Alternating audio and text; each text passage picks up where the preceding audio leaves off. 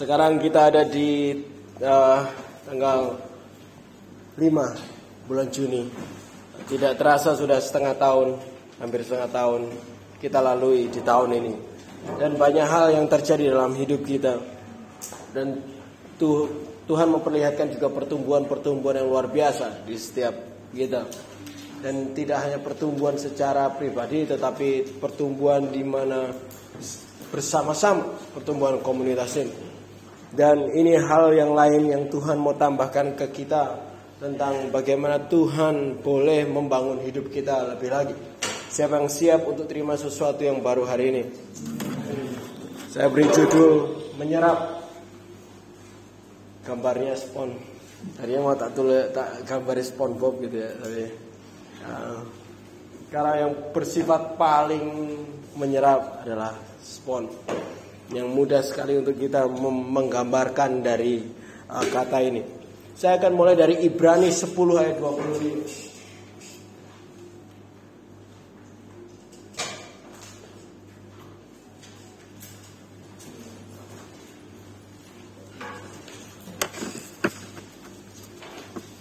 Hebrew 10:25 Ibrani 10 ayat 25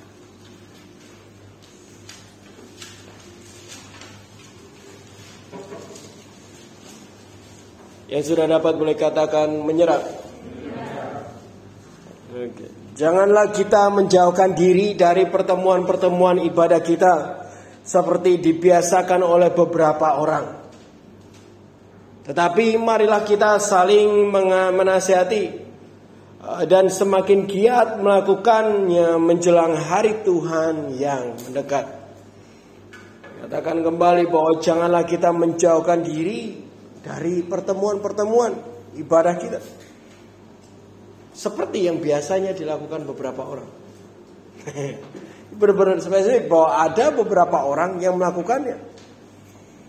Dan di beberapa hal lain teman-teman, di terjemahan lain, di in, terjemahan sederhana Indonesia, yang katakan ini, janganlah kita menjadi malas kumpul bersama dalam persekutuan kita.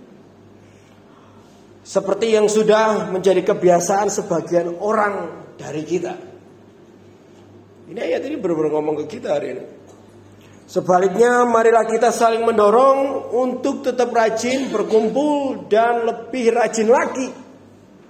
Tidak hanya rajin tapi lebih rajin lagi. Karena kita menyadari bahwa hari kedatangan Kristus semakin dekat. Nampak ayat ini sudah sangat jelas bagi kita. Penulis Ibrani menekankan bahwa pertemuan-pertemuan orang percaya punya bobot yang penting bagi kehidupan orang percaya. Dikatakan jangan malas ngomong kanan kirinya. Ya. Jangan undur dari memilih untuk mundur dari perkumpulan atau pertemuan dengan orang percaya lainnya. Nah, kata pertemuan teman-teman, kata berkumpul bersama itu bahasanya ini. Baca sendiri lah ya. Episode nakok, ya. Artinya adalah pertemuan atau koleksi, maksudnya, maksudnya uh, kumpul gitu uh, collecting itu kayak mengumpulkan kumpul perakitan bersama atau seperti halnya uh, ada barang-barang kita lagi di, diambil dan dijadiin satu tempat gitu ya di, dibangun bersama ya. Dan juga ini bicara tentang pertemuan-pertemuan ibadah. Tetapi yang menarik bahwa salah satu arti dari kata ini adalah bukan sebagai acara tetapi sebagai perilaku Kebanyakan kita kita bicara tentang pertemuan, kira-kira acara bukan?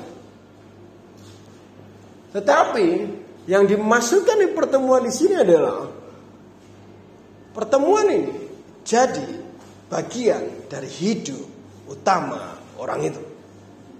Jadi perilaku hidup sama halnya kayak mandi. Mandi acara enggak? Itu udah perilaku kita gitu makan udah bagian dari hidup kita. Dan yang dimaksudkan di sini jangan malas untuk berkumpul bersama, jangan malas untuk mengadakan pertemuan ini karena itu sebenarnya hidup kita. Ini yang penting bahwa yang sedang dimaksudkan ayat ini adalah pertemuan yang bukan sebagai acara tetapi gaya hidup. Katakan gaya hidup. Gaya hidup. Bagi saya paling tidak nyaman ketika harus datang ke acara yang saya nggak tahu tujuan acara itu. Ya, kayak seperti sawalan kapan hari itu. ya.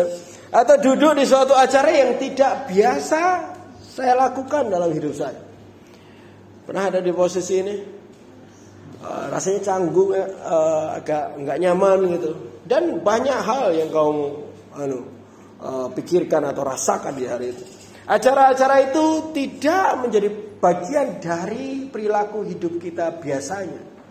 Sehingga kita tidak nyaman melakukannya. Kita tidak pada posisi di mana kita terbiasa melakukan itu. Karena tidak menjadi bagian hidup kita.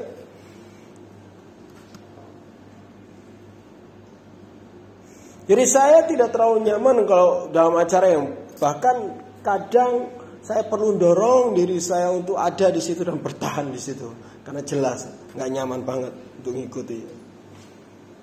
Ayat ini menggunakan kata kegiatan pertemuan yang menjadi perilaku atau gaya hidup kita, teman-teman.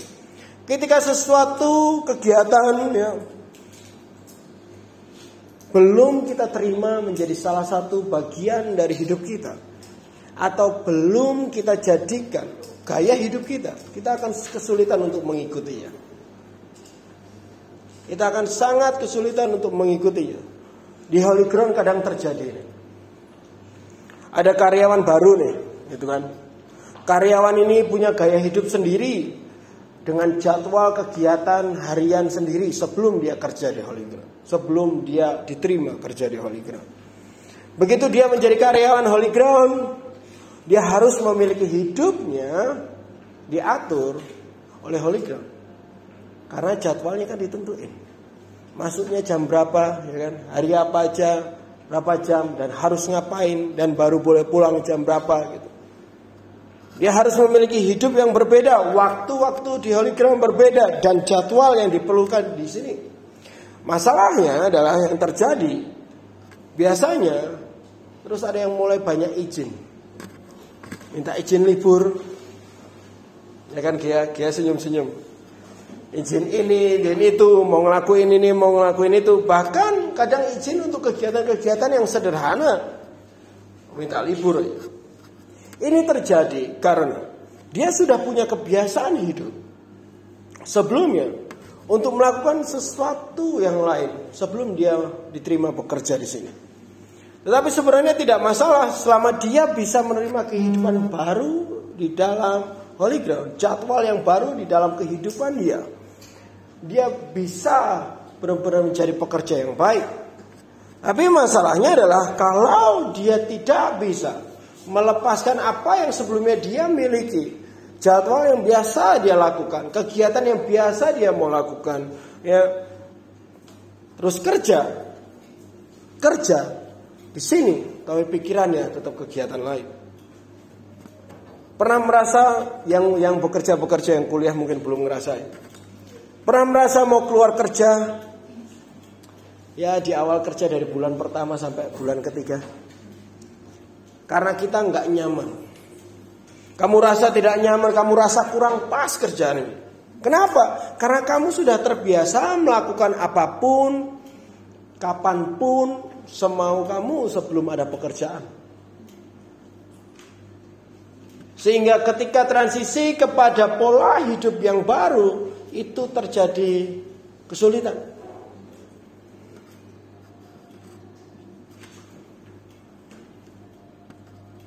Sampai mana ini tadi ya?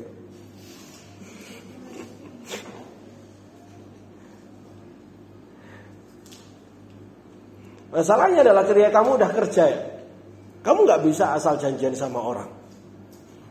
Nggak bisa asal main seenaknya aja dengan waktu yang ada. Ya kan? Ada waktu namanya kerja. Izin cuma mau ngopi sama temen gitu ya repot. Ya kan? Izin cuma mau jalan-jalan ke kota lain sama teman-temannya, nah repot. Ya. Karena sebenarnya ada pola hidup yang harus berubah ketika ada kehidupan baru yang terjadi atau masuk dalam hidup kita. Ya. Kalau kita tidak benar, kita kalau kita tidak sadar hal ini teman-teman, kita akan agak bercampur aduk dan akhirnya kita gagal menjalani apa yang seharusnya yang baru kita jalani. Karena kita masih terikat dengan apa yang lama dan kebiasaan yang lama yang sering kita lakukan.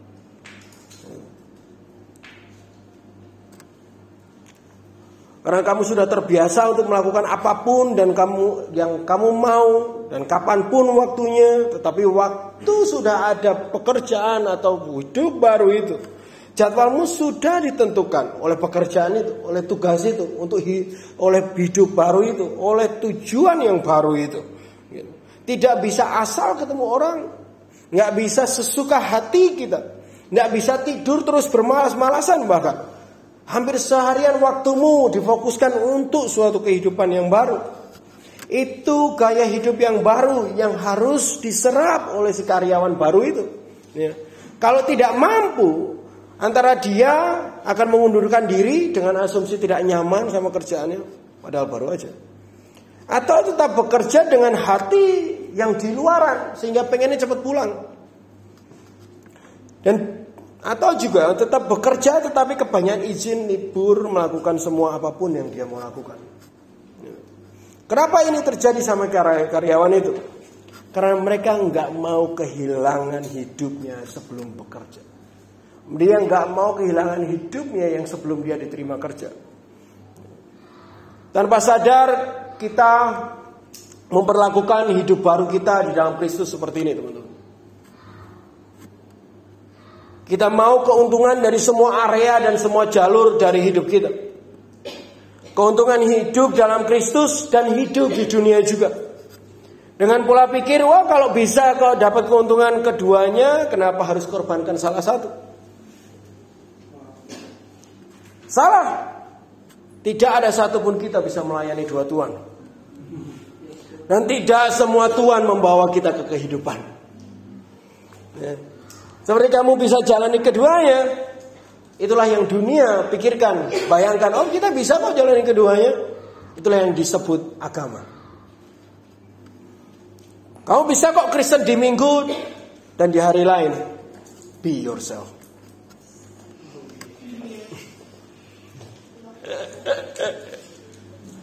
No, Ya, enggak. Satu-satunya jalan untuk hidup adalah bakar dan matikan hidup lama, menerima hidup baru. Amin.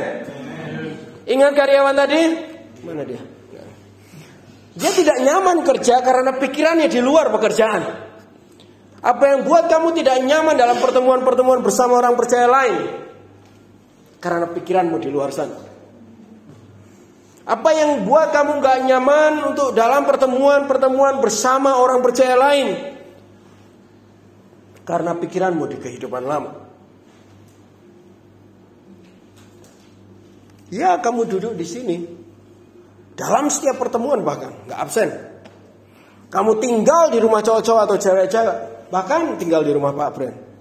Tapi tidak satu pun kegiatan kamu nikmati karena kamu belum menerima ini menjadi hidup baruku mulai hari ini. Ini jadi jadwal baruku, ini jadi cara hidupku yang baru. Kau belum menerima itu. Kalau hidup baru bisa saya terjemahkan sederhana adalah ini.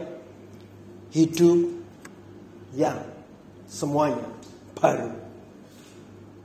Sederhana kan? Tujuannya baru. Amin. Fokusnya baru. Baik fokus waktu-waktu kita, baik keuangan kita, baik tenaga kita. Sehingga menghasilkan aktivitas yang baru. Jadwalnya baru.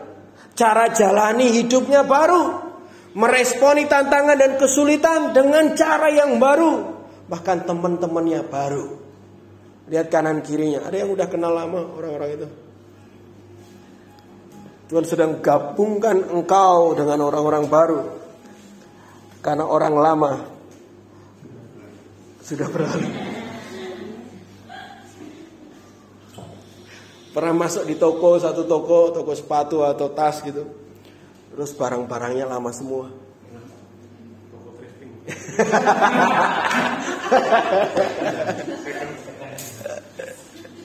Kalau itu beda ya. Masa masih baru tapi lama gitu ya.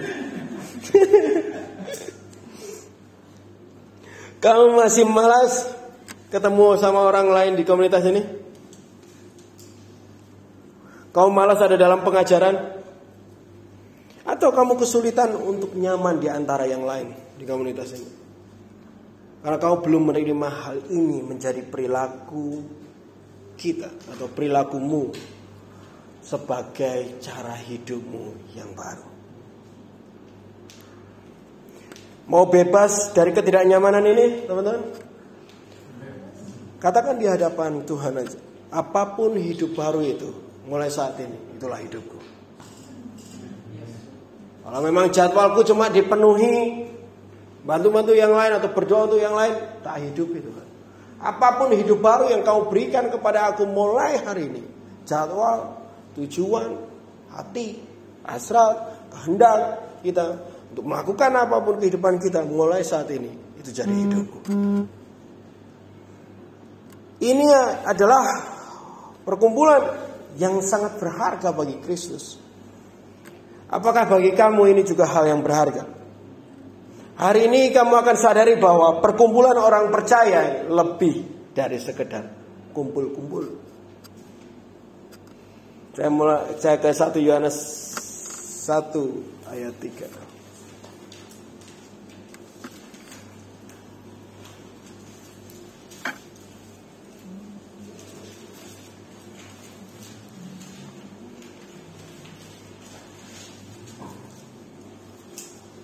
1 Yohanes 1 ayat 3. Apa yang telah kami lihat dan yang telah kami dengar itu kami berikan kepada kamu juga supaya kamu pun beroleh persekutuan dengan kami. Dan persekutuan kami adalah persekutuan dengan Bapa dan anaknya Yesus Kristus. Tulisan ini ditulis oleh Rasul Yohanes, tetapi dia pakai kata kami yang adalah dia sedang berbicara mewakili semua rasul untuk gereja Tuhan. Di sini dikatakan kalau apa yang sudah mereka lihat, apa yang sudah mereka dengar, itulah yang mereka akan bagikan kepada gereja Tuhan.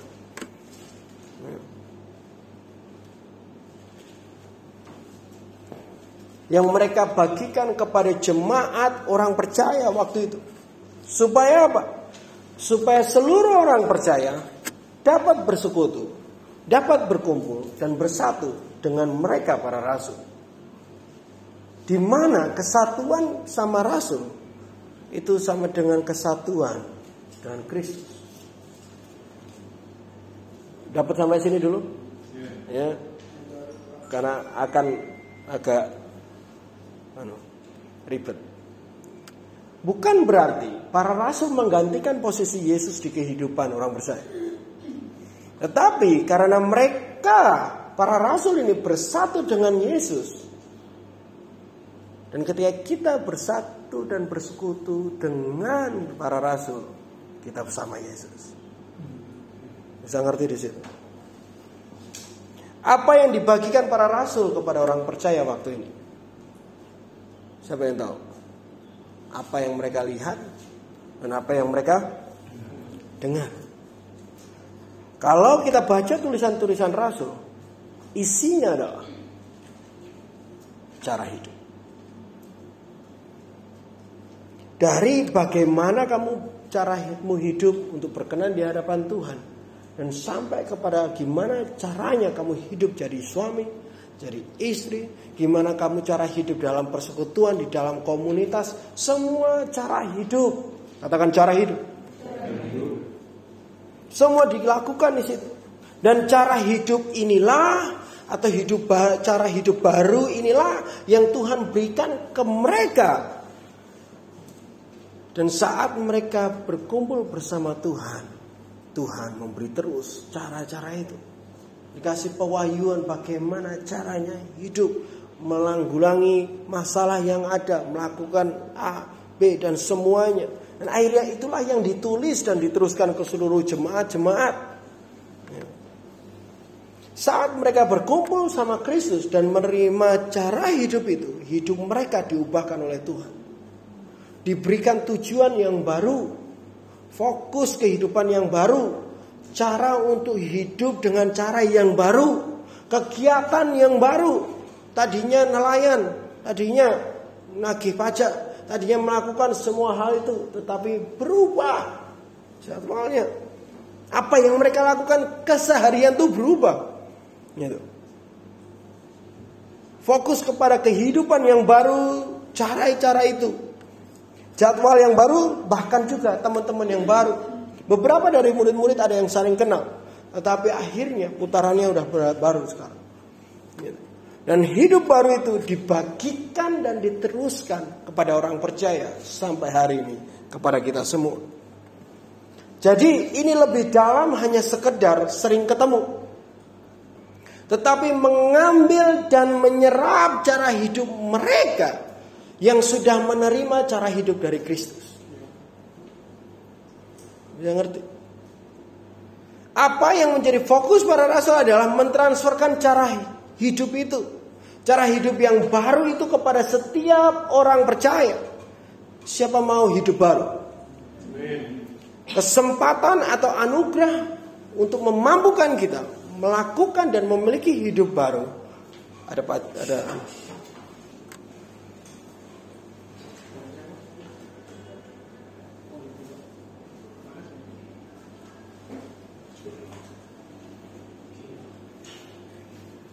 Oke ya.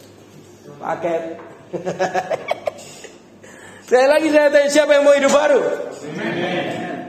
Kesempatan atau anugerah untuk memampukan kita untuk memiliki hidup baru itu terjadi waktu kita bertobat dan dibaptis. Tetapi cara hidup baru dalam kehidupan sehari-hari tidak otomatis berubah setelah baptis. Setuju? Perlu ada proses pembelajaran, perlu ada proses percontohan, ya, perlu ada prakteknya. Ya. Perlu terus menerus praktek sampai itu jadi gaya hidup dan cara hidup. Di situlah kita memiliki hidup baru pada akhirnya. Selama kita belum merubah cara kita hidup di sehari-hari kita, catat baik-baik. Saya bilang hari-hari. Ya. Pertobatan dan baptisan kita tidak ada gunanya. Kalau hidup baru kita belum kelihatan di kehidupan sehari-hari kita, pertobatan kita dan baptisan kita tidak terkonfirmasi dengan cara hidup kita.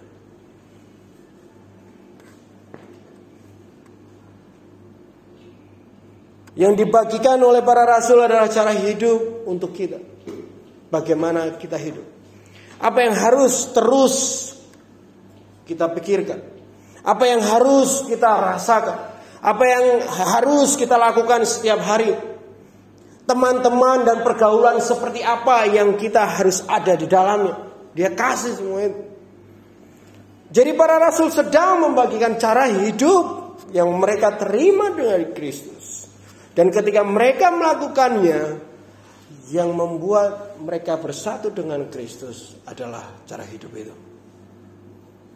Bersatu sama Kristus nggak cuma waktu pujian penyembahan kayak tadi. Tapi ketika engkau melakukan cara hidup yang Kristus kasih, kamu lagi jalan bahkan setiap hari sama Yesus. Setiap waktu sama Yesus karena yang kamu lakukan adalah apa yang Kristus lakukan. Para rasul dan mereka juga mau kau memiliki kesatuan dengan Kristus dengan cara menghidupi cara hidup Kristus yang ada di dalam hidupmu. Mereka mau juga kamu memiliki kesatuan dengan Kristus dengan cara hidup dengan cara menghidupi cara berperilaku yang Kristus mau ada di dalam hidupmu. Mereka mau juga kamu memiliki kesatuan dengan Kristus dengan cara menghidupi pikiran yang Tuhan mau kasih dan pola pikir yang Tuhan mau kasih dalam hidup.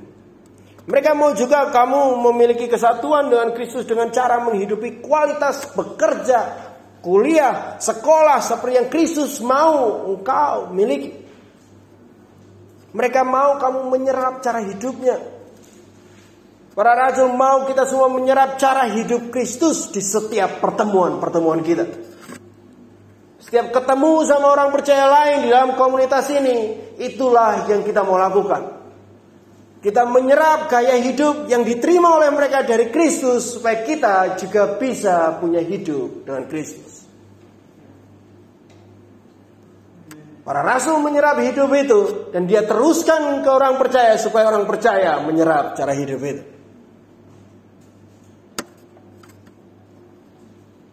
Jadi serap-serapan.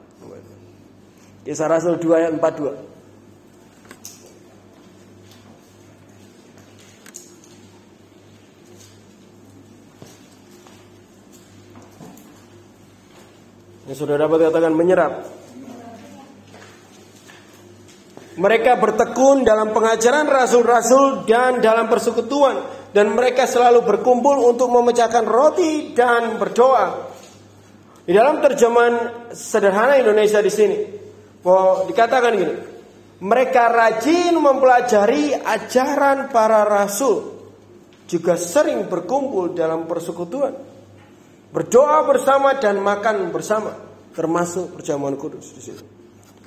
Yang mau saya garis bawahi di situ mereka rajin mempelajari teman-teman.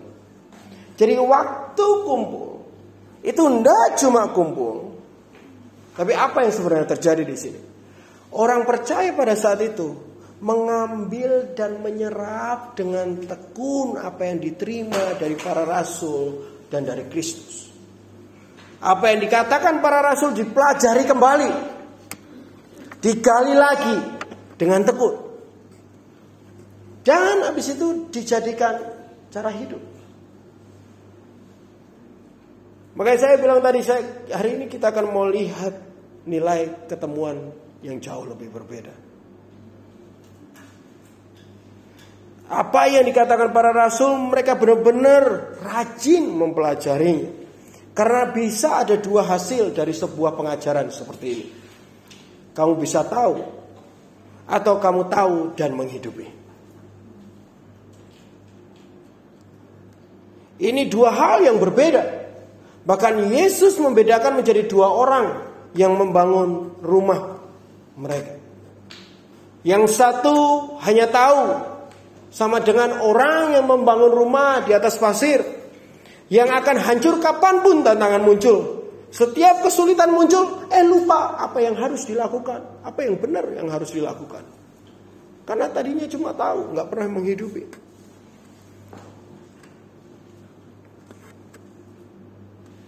Yang tahu dan melakukan, mereka membangun rumah hidupnya di atas batu yang kapan pun tantangan dan masalah muncul mereka bertahan dan terus melakukan apa yang benar.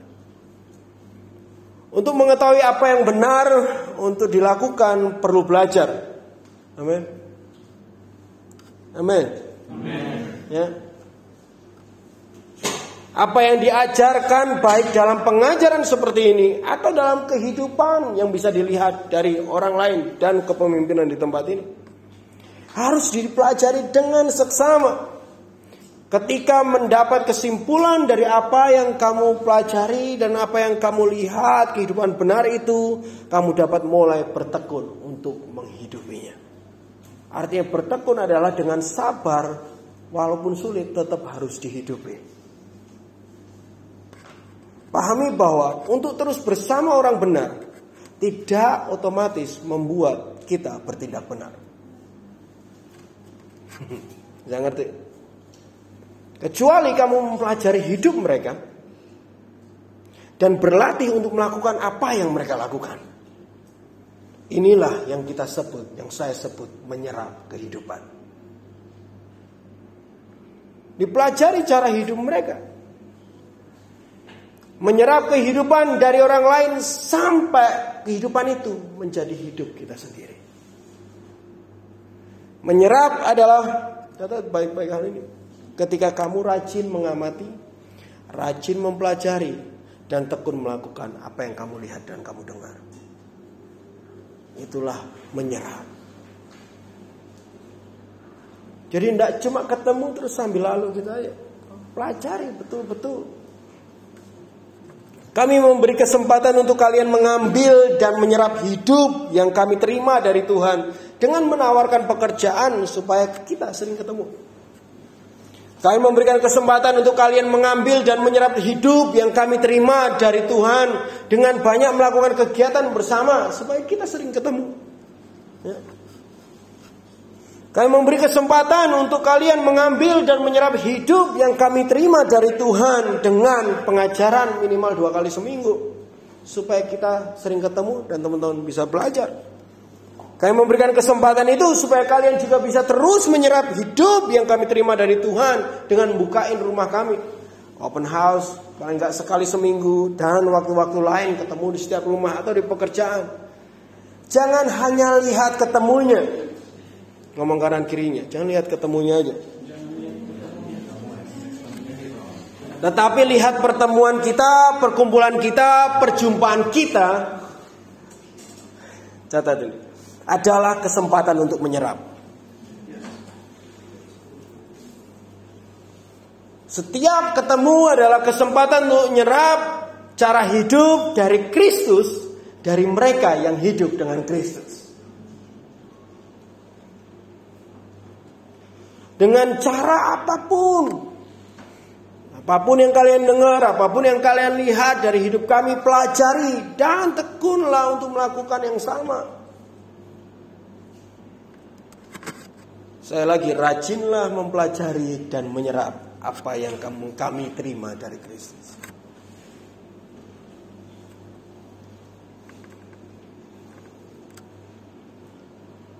Satu Yohanes 1 Mari ke 1 Yohanes 1. Ayat 6 sampai 7.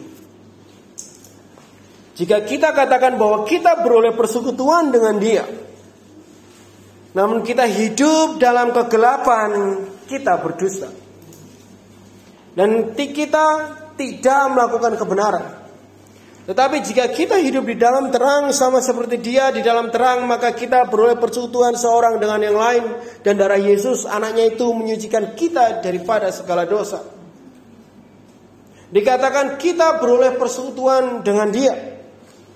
Ya, dikatakan di sini.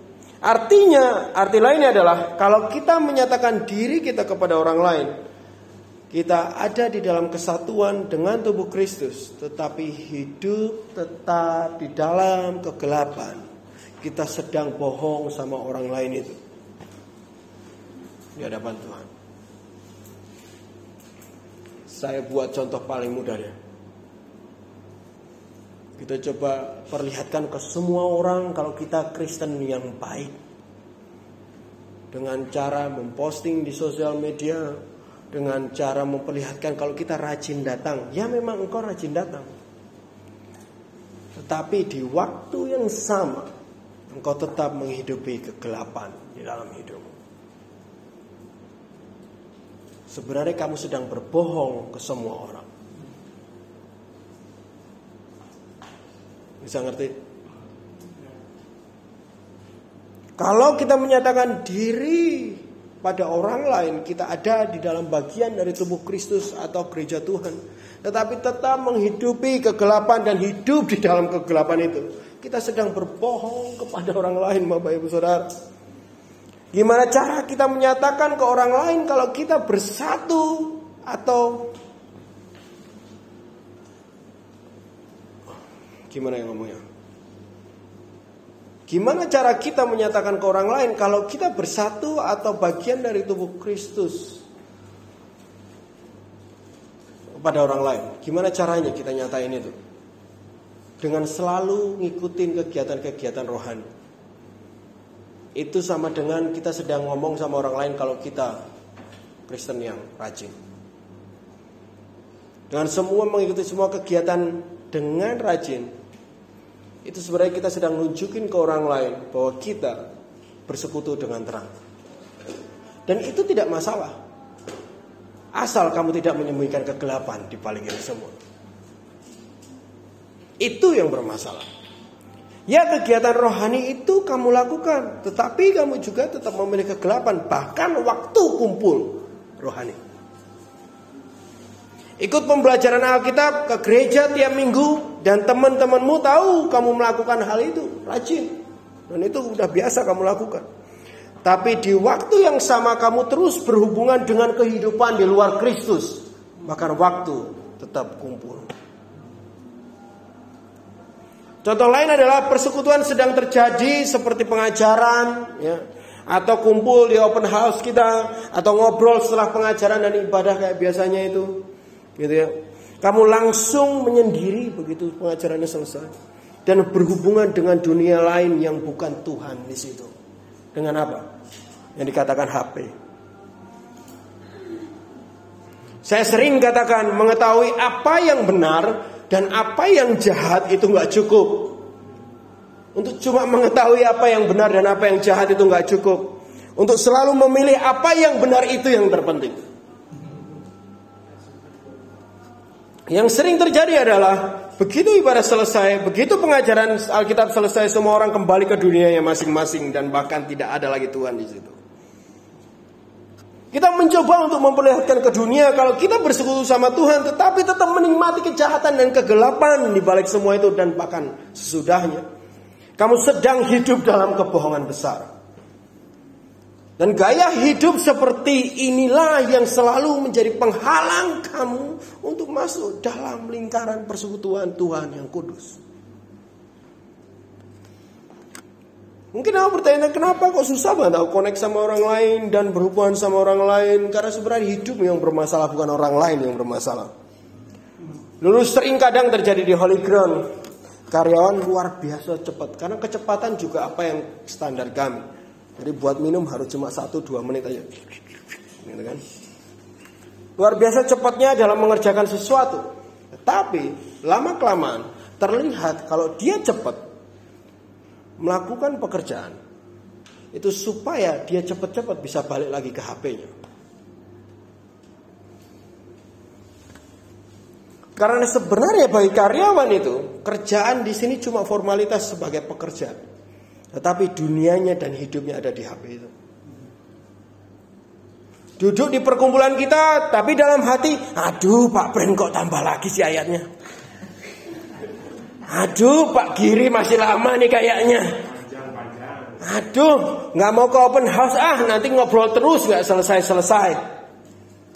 Padahal kan mau malam mingguan. Padahal kan aku mau ini, mau itu, mau kembali ke duniaku, mau kembali ke hidupku. Kau pengen yang ini cepat selesai supaya cepat-cepat bisa kembali yang ke hidupmu yang sebenarnya. Kalau kamu masih kayak gitu, kau belum menerima hidup baru. Aku mencoba jujur aja ya. Coba lihat senyum ke kanan kirinya dulu. Amin. Amin.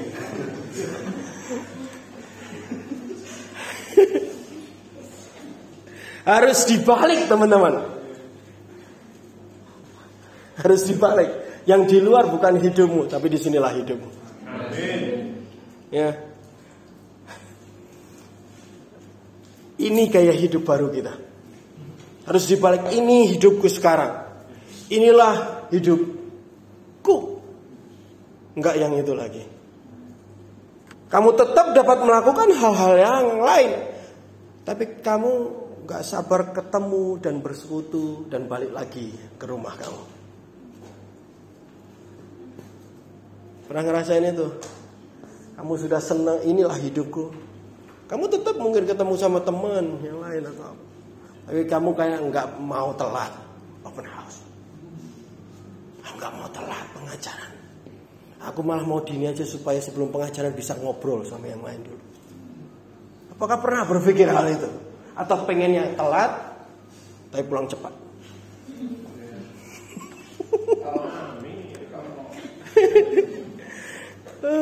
Amin. Inilah hidup barumu. Bukan yang di luar sana hidup kita. Tapi cara kamu memperlakukan kedua kehidupan inilah sebenarnya yang menunjukkan ke orang lain mana hidupmu sebenarnya. Bukan apa yang kamu katakan, tapi cara kamu melakukan. Dan seterusnya di ayat ini dikatakan begini. Tetapi jika kita hidup di dalam terang sama seperti dia ada di dalam terang, maka kita beroleh persekutuan dengan yang lain. Oh, artinya kalau kamu pada akhirnya memilih hidup benar atau hidup dalam terang, jadi hidupmu kamu bisa bersekutu sama yang lain dengan mudah. Kalau kamu masih kesulitan untuk masuk atau merasa nyaman dalam komunitas Tuhan ini, pilihlah terang sebagai hidupmu mulai hari ini. Amin. Bukan sebagai formalitas agama saja. Masa aku nggak bagian dari gereja mana pun ya aku di sini aja Formalitas itu namanya. Pilihlah terang jadi hidup yang utama bukan formalitas dan eksis, eksistensi rohani belaka. Oh kehidupan kekristenan anak muda sekarang sangat-sangat dekat dengan eksistensi rohani. Mereka coba perlihatkan mereka pelayan Tuhan di gereja dengan apa pun caranya. Tapi saya mau bilang nggak penting eksistensi, yang penting konsistensi dalam kebenaran. Kamu nggak eksis di luar tapi konsisten di hadapan Tuhan itu yang terpenting. Amin. No. Dengan menyatakan hidupku yang ini. Ini hidupku sekarang. Ini gaya hidupku sekarang. Pertemuan-ketemuan Selasa, Kamis, kumpul apa pun itu, ketemu Pak bareng ketemu Pak Kiri, ngobrol apa pun, ini gaya hidupku sekarang.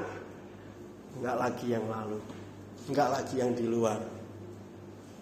Kamu bisa menikmati pertumbuhan sama Tuhan lebih lagi hal lain yang membuat kenapa kita tidak bisa bersekutu, kenapa kita tidak bisa bersatu dengan yang lain. Ada di Matius 18 ayat 20 teman-teman. Sebab di mana ada dua atau tiga orang berkumpul dalam namaku, di situlah aku ada di tengah-tengah mereka. Pernah tahu lagu Indonesia katakan ini? Tuhan memang satu, kita yang tak sama, itu. Kahitna. Marcel, Marcel. Gus Plus. Tapi di terjemahan Indonesia sederhananya seperti ini teman-teman. Uh, karena apabila dua orang atau lebih dari antara kalian berkumpul dan berdoa untuk memuliakan aku, maka aku juga di situ di antara kalian. Ini hal yang baru banget yang Tuhan kasih ke saya untuk melihat ayat ini. Tuhan Yesus adalah Tuhan yang benar dan satu-satunya. Semua percaya? Ya. Tuhan yang bahkan di atas segala Tuhan. Amin. Tuhan yang benar satu. Tapi kita menyembah dua hal yang berbeda. Sehingga setiap perkumpulan kita yang terjadi tidak terjadi damai. Karena Tuhan tidak dirasakan oleh mereka yang tidak memuja atau menyembah Tuhan. Yang satu menyembah dan memuji Tuhan atau memuja Tuhan, tetapi yang satu menyembah dunia. Mengumandangkan dunia adalah jawaban dari kehidupanku. Dunia adalah satu-satunya jawaban untuk kesuksesanku. Itu namanya memuja dunia.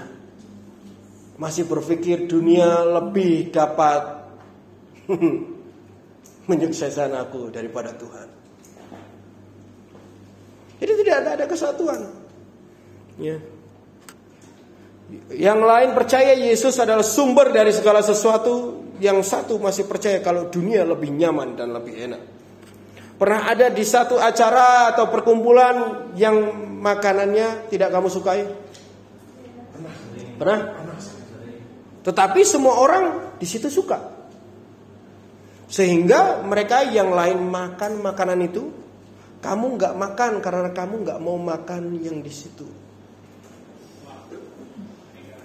Bukan masalah makanannya yang nggak enak, cuma kamu pengen makanan yang lain yang nggak di situ. Akhirnya selama pertemuan itu yang lain kenyang, kamu lapar. Yang lain dapat nutrisi, kamu nggak dapat apa-apa. Yang lain menyerap, menyerap dengan kelaparan apa pun yang ada di situ. Kamu tidak bahkan punya selera untuk makanan itu. Karena kamu udah ingini atau maunya makanan yang di luar. Yang lain dapat pertumbuhan dari makanan di dalam rumah itu, kamu tidak. Sekali lagi, bukan makanan di rumah ini yang tidak enak. Cuma kamu pengen makanan yang lain, lain yang di dalam di luar rumah. Sehingga makanan yang di rumah diabaikan. Saya waktu kecil pernah itu. ya.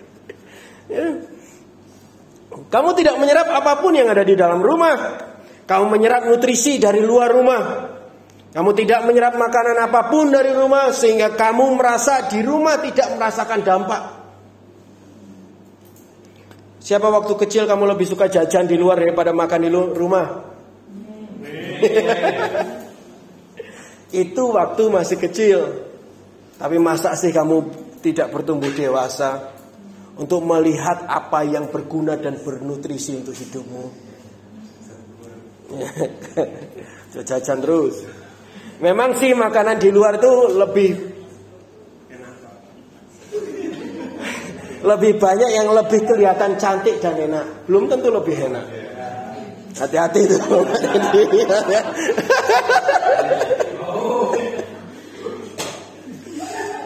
Bahkan makanan di luar itu kadang dengan tatanan piring yang lebih menggugah selera. Ya Padahal pada-pada nasi goreng. Nasi goreng di rumah nggak disentuh, nasi goreng di luar dimaui. Tapi bisa tidak bersih. Banyak garam alias bikin darah tinggi. Banyak minyak alias bikin kolesterol. Dan tidak bergizi lengkap. Ya. Tapi kalau soal nutrisi, masakan rumah lebih baik. Ibu-ibu pasti relate sama ini. Yang ibu-ibu katakan amin. Untuk kebaikanmu, jangan pilih makanan yang di luar yang tidak terjamin kualitas dan nutrisinya. Ya. Berhentilah dari makan sembarangan di luar. Seraplah semua nutrisi rohani yang ada di dalam rumah ini. Nutrisi yang diterima dari Tuhan yang disediakan untuk kalian semua. Yang jelas akan membawa pertumbuhan bagi hidupmu. Yang gak bisa buat bersatu karena yang satu masih memuliakan hal yang lain, bukan Tuhan. Karena dikatakan kalau engkau dua atau lebih berkumpul memuliakan aku bareng-bareng memuja Tuhan. Tuhan di situ. Kalau pingin hal yang lain di luar, ngeleh dewe nih gini. Translate ada di sini.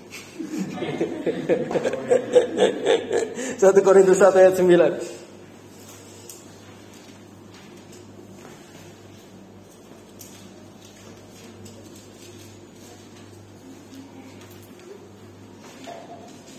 yang sudah dapat Katakan menyerap. Menyerap. Allah yang memanggil kamu kepada persekutuan dengan anaknya Yesus Kristus Tuhan kita adalah setia. Tuhan setia kepada mereka yang bersekutu dengan Kristus. Kita belajar dari awal tadi bahwa persekutuan dengan Kristus terjadi saat kita bersekutu dengan mereka yang bersekutu dengan Kristus. Bisa ngerti ya? Agak panjang. Kita bersatu dengan Kristus ketika kita bersatu dengan mereka yang bersatu dengan Kristus. Kita menyerap kehidupan Kristus dengan menyerap hidup dari mereka yang menyerap dari Kristus.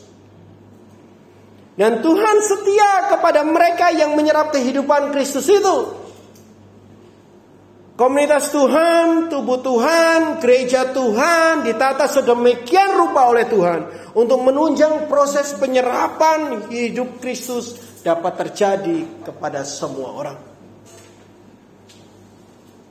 Tuhan membawa orang-orang tertentu untuk menyerap cara hidup dari dia melalui perjumpaan-perjumpaan pribadi dia dengan Tuhan. Nyerap banyak.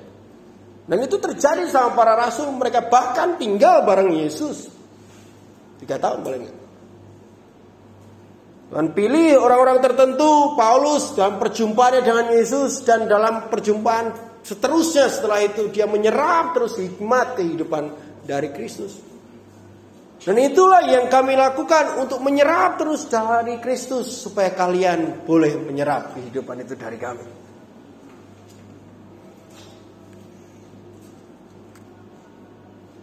Sehingga orang ini yang menyerap kehidupan dari Kristus dapat diserap oleh mereka yang mau hidup Kristus. Yang mau hidup dengan caranya Kristus. Yang mau menghidupi hidupnya dengan jadwalnya Kristus dan cara hidupnya. Mulai hari ini kita akan memandang pertemuan persekutuan kita berbeda. Karena setiap perkumpulan atau pertemuan kita adalah kesempatan untuk kita menyerap penuh gaya hidup Kristus melalui orang-orang yang menyerap dari Kristus duluan. Dan di situlah kamu sedang bersekutu dengan Kristus kalau engkau nyerap kehidupan Kristus itu dari mereka. Bahasa Kristennya empartasi. Itu benar.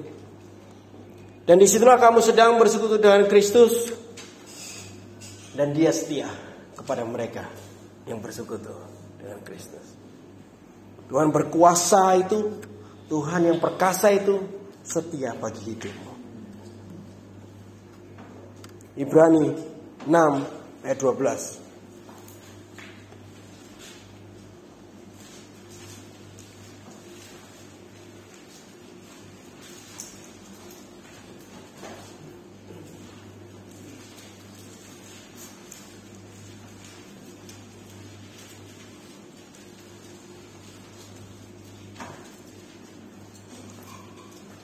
Ibrani 6 ayat 12 agar kamu jangan menjadi lamban tetapi menjadi penurut-penurut mereka yang oleh iman dan kesabaran menjadi bagian dalam apa yang dijanjikan Tuhan. Saya kasih yang lebih mudah dimengerti versinya di atas ini. Ya. Jangan malas berjuang, ikutilah teladan. Saudara-saudari seiman kita yang sudah lebih dulu meninggal dunia atau yang sekarang hidup bersama Kristus Yesus. Perhatikanlah bahwa mereka teguh bertahan dalam keyakinan penuh kepada Kristus sampai akhir hidup mereka. Pikirkanlah betapa sekarang mereka sedang menikmati semua janji Tuhan. Saya tahu betul, ya, merubah hidup kita itu tidak mudah. Yang setuju katakan amin. Ya, Saya tahu betul merubah kebiasaan hidup dan cara hidup kita tidak mudah. Saya tahu betul merubah keinginan yang kita pingini juga tidak mudah. Tapi garis bawahi hal ini.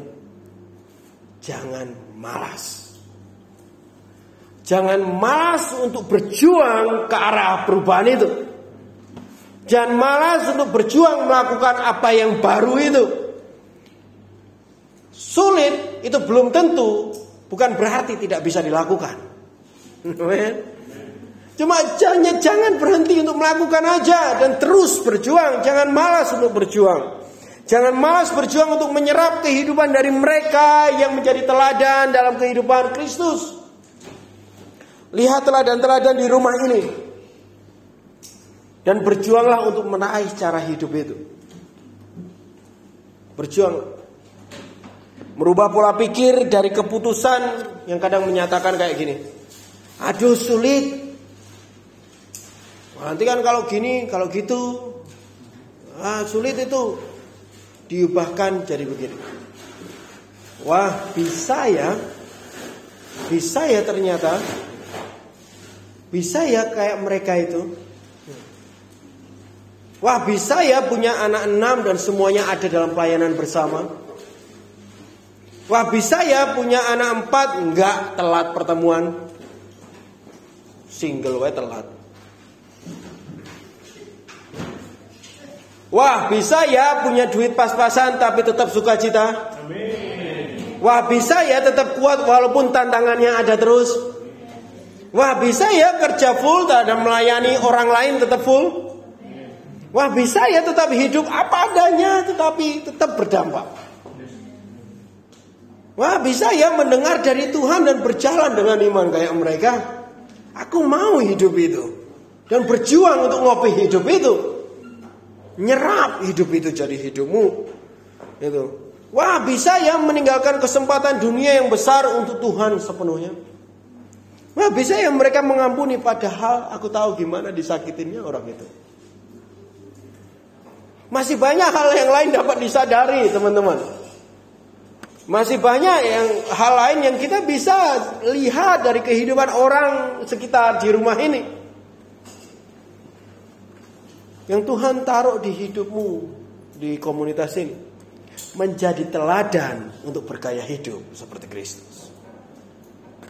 Kalau kamu tanya mereka yang sudah berhasil merubah gaya hidup mereka seturut dengan apa yang Tuhan mau, Pasti di dalam cerita mereka, saya jamin, ada cerita perjuangannya. Jadi jangan malas berjuang. Mereka cuma modal nggak berhenti aja. Karena selalu ada garis finish.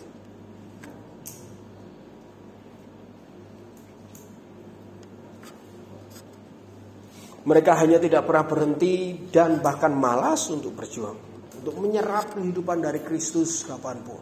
Saya tahu semua kerja capek. Ayo kamu perlu berjuang bangun pagi dan terima nyerap dari Kristus pagi-pagi. Amin. Saya tahu kalian semua padat kuliahnya dan semua hal yang kamu lakukan. Pastikan kamu nyerap sesuatu dari setiap pertemuan dengan pemimpinmu. Pastikan kamu nyerap sesuatu di dalam pengajaran-pengajaran yang ada walaupun kadang setelah pulang kerja ngantuk rasanya. Ada kopi.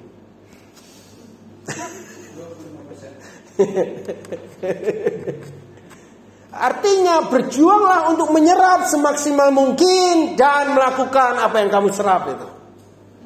Jangan malas berjuang. Jadilah laki-laki walaupun kamu perempuan. Dia tetap strong. Berjuang. Lihat, dengar, pelajari, dan berjuanglah untuk melakukan yang sama. Di waktu kumpul-kumpul, waktu ketemu, benar-benar lakukan apa? Lihat, dengar, pelajari, dan lakukan.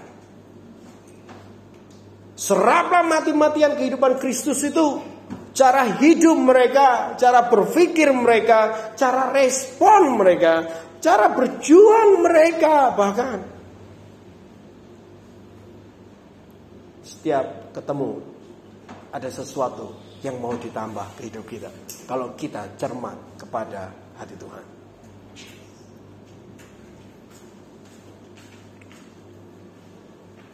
Di dalam persekutuan terjadi impartasi hidup. Dalam persekutuan terjadi penyaluran hidup. Hidup yang diberikan tapi juga diterima oleh seseorang. Kita tahu hari ini bahwa kita harus menerima hidup itu dengan kehausan seperti spon kering yang menyerap air dengan kuat dan membuat spon itu menjadi berair atau basah. Air yang sudah tidak di luar spon itu tadi tetapi menjadi bagian dari spon itu dan jadi identitas si sponnya. Sponnya jadi ada air dalamnya. Kalau kehidupan Kristus ada di dekatmu saat ini. Cara hidup Kristus ada di dekatmu saat ini. Kamu harus haus dan kering seperti spon itu. Untuk nyerap langsung Kristus ada jadi identitas kamu. Nyerap sebisa mungkin. Serap lagi depan Kristus di sekitarmu di rumah ini seperti spon itu. Serap dengan kehausan di mana apa pun yang di dekatmu kamu serap. Dan menjadi siapa dirimu mulai saat itu juga. Tadinya sponnya kering, begitu nyerap jadi basah. Identitasnya berubah, kondisinya berubah, dia siapa udah berubah. Udah nggak spon kering, spon basah. ya. Mulai saat itu. Jadi siapa yang mau hidup baru hari ini? Kita mau nyerap hidup baru itu di dalam komunitas ini. Kita